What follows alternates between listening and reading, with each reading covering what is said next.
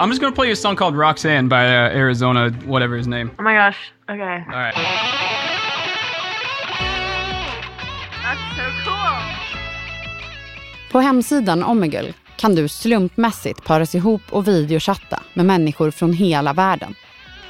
En kille spelar gitarr framför sin webbkamera.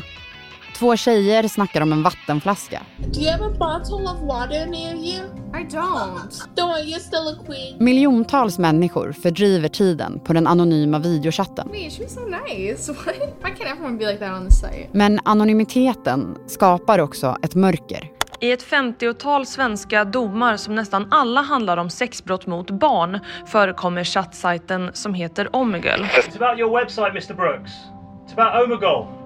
We want to know why you're not protecting children. Från Dagens Nyheter, det här är Spotlight. Idag om den anonyma videochatten som blev jaktmark för pedofiler. Jag heter Evelyn Jones. Det är mitten av 2000-talet. Youtube grundas, Facebook blir stort, iPhone lanseras i Sverige. Det är lätt att glömma hur sent mycket av det som vi tycker är självklart på internet egentligen slog igenom. Facebook slog igenom i Sverige sommaren 2007. Linus Larsson, du är DNs techredaktör. Vad är det här för tid på internet? Innan Facebook och ett par andra eh, stora sajter gjorde det självklart att använda sitt riktiga namn nästan eh, överallt, då var internet ett kaos kan man säga. Anonymitet var, var väldigt mycket vanligare. Alla använde alias till höger och vänster. Även om man inte kanske var så anonym egentligen så var det självklart att det man skrev in i en inloggningsruta, det var någonting man hade hittat på. Det var inte vad man egentligen hette. I sitt föräldrahem i Vermont i USA har den 18-åriga programmeraren Leif K. Brooks stora visioner. Mitt i internets guldålder börjar han programmera en hemsida. En som han vill ska förändra sättet vi pratar med varandra på över nätet. Där hemma i sitt eh, föräldrahem skapar han år 2009 Omegle. Det som utmärker den här sajten är ju att dels att man kan få upp en anonym chatt med så att säga vem som helst. Man slumpas fram. Men det är också att steget till det är extremt lågt. Du behöver inte registrera ett konto. Du behöver inte eh, fylla i en massa e-mailadress och sådana uppgifter. Utan det är i princip gå till sajten, ett klick och du har en främmande person framför dig. Och det där blir både väldigt lockande och för vissa väldigt skrämmande. Nästan alla har ju fått höra att man inte ska prata med främlingar. Men på Omegle är det just det som uppmuntras. Budskapet “Talk to strangers” är det första man möts av på hemsidan. För många blir ju Omegle en kul sajt där man bara kan hoppa in och fördriva lite tid. Från att vara ett anonymt chattforum utvecklas sajten till en videochatt som är tillgänglig i hela världen. Ja, det utmärker sig väl vid sidan av de stora etablerade eh, sajterna som, som Facebook där man förväntas skriva vad man eh, verkligen heter och, och så. Och, och, fortsätter väl vara liksom någon rest av det här gamla vilda kaos-internet som eh, var större tidigare. Would you like to be on my game show? Yes. Okay, it's called Finish the Lyric. I'm so good at this. Okay, well we'll see, we'll see. She wears short skirts. Omegle växer och växer. Och 2018, nästan tio år efter att sajten lanserats, hamnar grundaren Leif K. Brooks på Forbes lista 30 under 30. Alltså 30 personer under 30 att hålla koll på. It's the question we all want answered. When will the COVID 19 pandemic actually end? Public gatherings, including sports events, are banned, and schools and universities are closed. När coronapandemin lamslår världen och människor tvingas vara hemma allt mer ökar tillströmningen av användare till Omegle. Att kunna mötas online blir viktigare när mycket av den fysiska världen stängts ner. Sajten trendar på TikTok och Youtubers lägger upp videos där de filmar av skärmen och pratar med person efter person. Oh, thank you. Have a nice night. You too. Wait, she's so nice. Why can't everyone be like that on the site? Men sajten associeras inte bara med roliga, nyfikna, slumpmässiga samtal mellan främlingar. Det finns en annan sida av Omegle. I och med att det slumpas fram vem du pratar med så kan du ställas inför det bästa och det värsta direkt efter varandra. Du kan hamna hos någon som roar folk genom att spela knasiga låtar på en gitarr. Och sen nästa sekund så är det någon som blottar sig. Bland användarna är känt att det förekommer män på sajten som söker sexuella kontakter. Där vissa riktar sig specifikt mot barn. Det finns ju en mörk sida av det. Väldigt tidigt så blir det uppenbart att den här sajten lockar folk som vill blotta sig, eh, grooma eh, unga människor eller eh, lägga grunden för rena övergrepp. Kontrollen blir så låg att du, du har inte konton, du, du kastas rakt in inför en eh, främmande människa, så blir steget att göra det väldigt, väldigt lågt. Dessutom lockar en ung publik och så vidare. Och det blir uppenbart att det här är ett stort problem på sajten. Hon kallas för Alice. När hon är 11 år loggar hon in på Omegle för att bli ihopparad med någon och videochatta med. På hennes skärm dyker en 30-årig man från Kanada upp. Redan vid det första mötet får han henne att berätta intima detaljer om sitt liv. Hon berättar för BBC. He had ill intentions, evil intentions. Efter den där första kontakten får mannen Alice att skicka intima bilder på sig själv. Hon berättar inte för någon om vad som pågår. Övergreppen blir allt grövre och det fortsätter i tre år. I was consistently being forced to do things that a child should not have to do. Every day, being at the will of someone else who had the worst of intentions with children.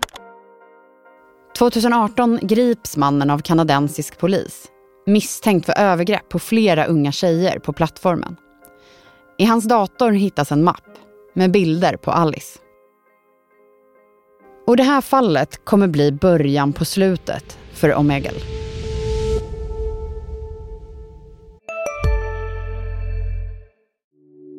Hej, Ulf Kristersson här. På många sätt är det en mörk tid vi lever i. Men nu tar vi ett stort steg för att göra Sverige till en tryggare och säkrare plats. Sverige är nu medlem i Nato. En för alla, alla för en. Vi är specialister på det vi gör, precis som du. Därför försäkrar vi på Swedea bara småföretag, som ditt. För oss är små företag alltid större än stora och vår företagsförsäkring anpassar sig helt efter firmans förutsättningar. Gå in på swedea.se företag och jämför själv.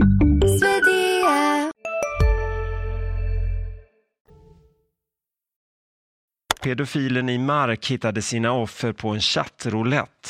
Den åtalade mannen som är i 40-årsåldern använder den omtalade tjänsten Omigel som har blivit ett verktyg för pedofiler.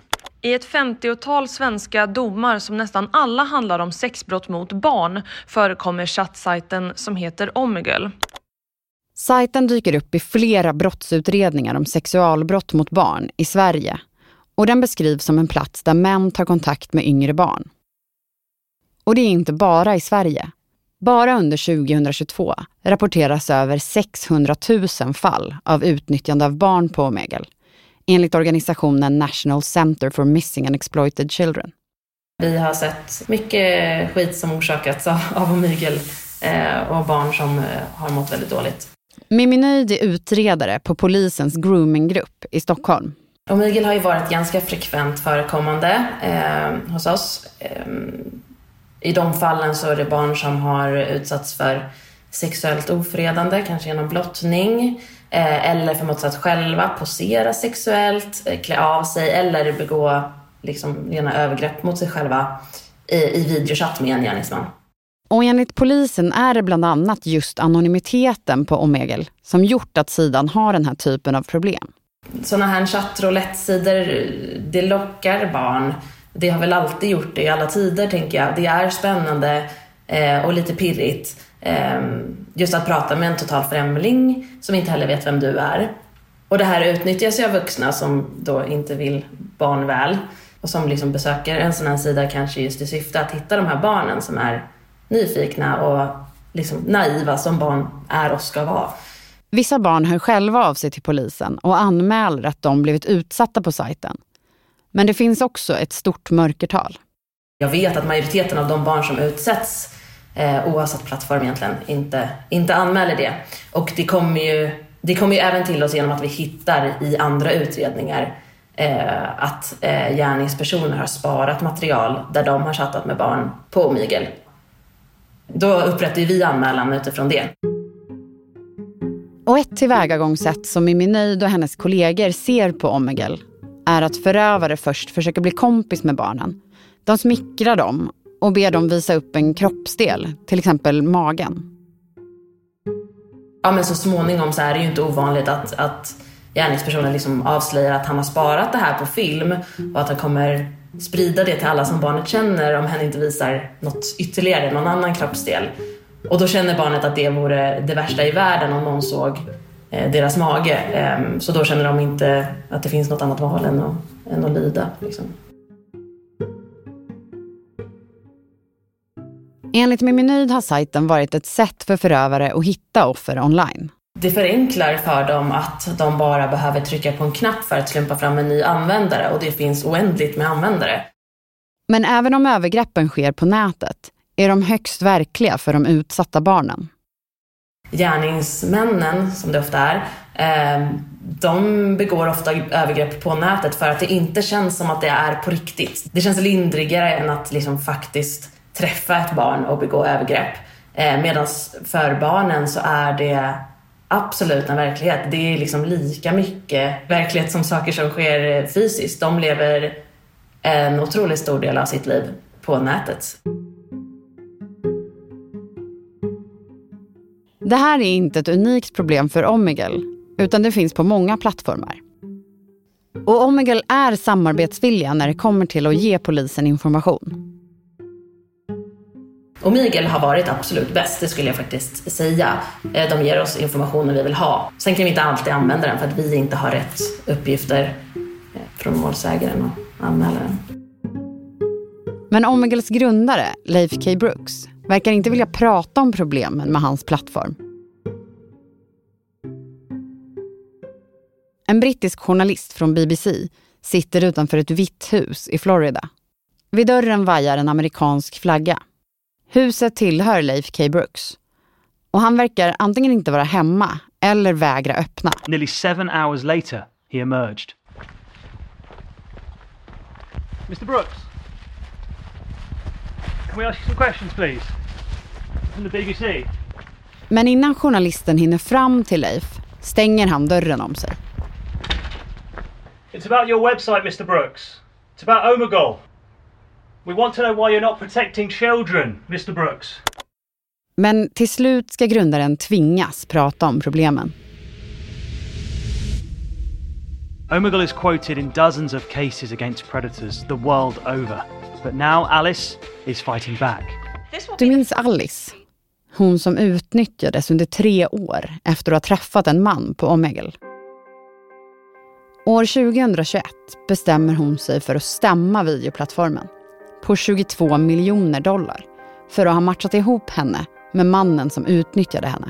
Det som gör den här stämningen intressant är att den inriktas inte bara på något speciellt som sajten har gjort, någon, någon detalj eller så, utan den hävdar liksom att sajtens själva grunddesign är olaglig och inte kan eh, vara tillåten och att det var den som möjliggjorde övergreppen som hon utsattes för. Så att den, den blir ett existentiellt hot mot eh, Omegle. Inte bara någonting de kan lösa med ett eh, litet skadestånd eller så. Det är nästan som att stämningsansökan hävdar att eh, sajten liksom har ett fabriksfel, att det är fel på den i grunden och det är det som har möjliggjort de här eh, övergreppen. Eh, felet ska då ligga i att man kan kopplas ihop med främmande människor hur som helst, oavsett om man är mindreårig, oavsett eh, vem den här människan är som man ställs inför. Förutom pengarna ställer hon också ett krav i sin stämning. Att Omegel ska stänga ner, för gott.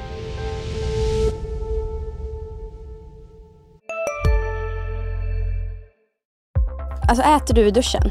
Nej, det gör jag verkligen inte. Men alla gör ju det nu. Duschsnacks, Frans. Vilka är alla? Ja, men alla på TikTok och bloggar och allt möjligt. Så det är, de har en tallrik i duschen och så är det lite så här oliver och ostbågar typ. Nej men gud, tapas.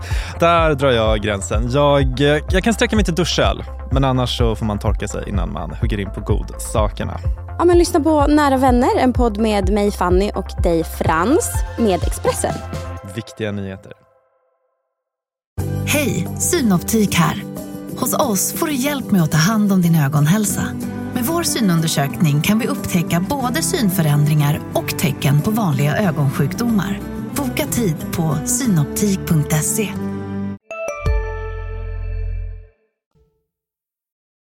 Popular video chat service shutting down after its founder acknowledged persistent criminal activity on its website and app.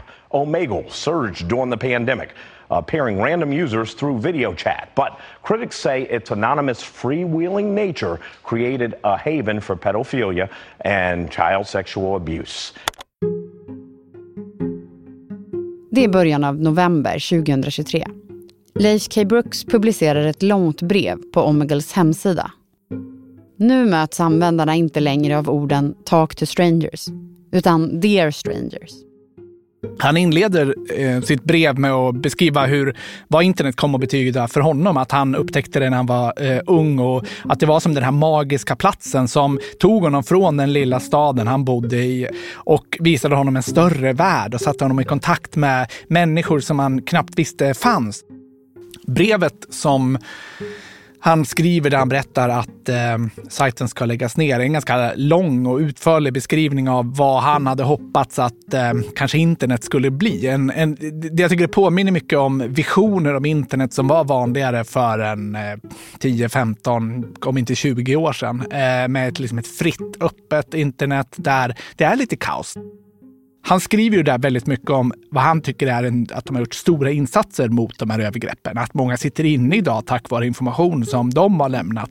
Um, men han beskriver också hur det blev ohanterligt för eh, honom och eh, för, för sajten att leva upp till de kraven på säkerhet och skydda användarna som de ställdes inför.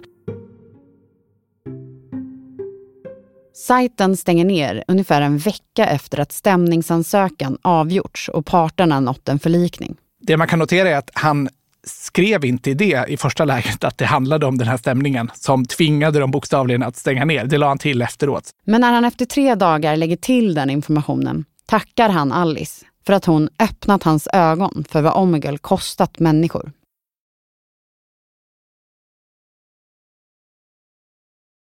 Efter 14 år går Omegle i graven. Linus, innebär det här slutet för den här typen av anonyma öppna mötesplatser på nätet? Ja, kanske åtminstone på den skalan som det här ändå hade. Att frågan om någon kan få växa sig så stor som eh, den här sajten gjorde. Kraven är, blir ju högre på alla som driver sociala medier och liknande sajter att skydda sina användare mot till exempel personer som vill begå övergrepp. Och det är ju eh, väldigt, väldigt bra. Men, men frågan är om det går att driva det utan de resurser som till exempel Google eller Facebook har. Om det går att i mindre skala driva en sån här eller om man då får krav på sig som gör att det är eh, omöjligt. På gott och ont verkligen. Men att Omegle nu lägger ner tror Mimmi Nöjd på polisens groominggrupp kommer att synas i statistiken. Alltså det kommer ju absolut märkas i vårt inflöde av ärenden. Det är jag faktiskt eh, säker på. Det är ändå en del som kommer därifrån, eh, som vi nu inte längre kommer få. Jag tänker att eh, alltså vill man verkligen komma åt barn så kommer man alltid göra det eh, på ett eller annat sätt. De ärenden som kommer minska något, det är väl kanske rena liksom blottningsärenden. Gärningspersoner som inte specifikt är ute efter att blotta sig för barn, men är likgiltiga inför risken. Jag tänker den typen av ärenden och brott kommer troligtvis minska när vi inte har eh, det här konceptet som Omegle är. Omegles existens kan ses som en rest, en fossil av det gamla internet. Så vad betyder det att en sån tjänst inte längre finns? Mycket av det som har hänt på den här sajten är ju stora tragedier. Och eh, det är en tragedi för de som har drabbats av de här brotten, vilket också grundaren eh, medger. Det är kanske också en tragedi att sajten behövde tas bort. En öppet, fritt forum som det här ändå var blir så här för att det finns människor som är där och beter sig vidrigt.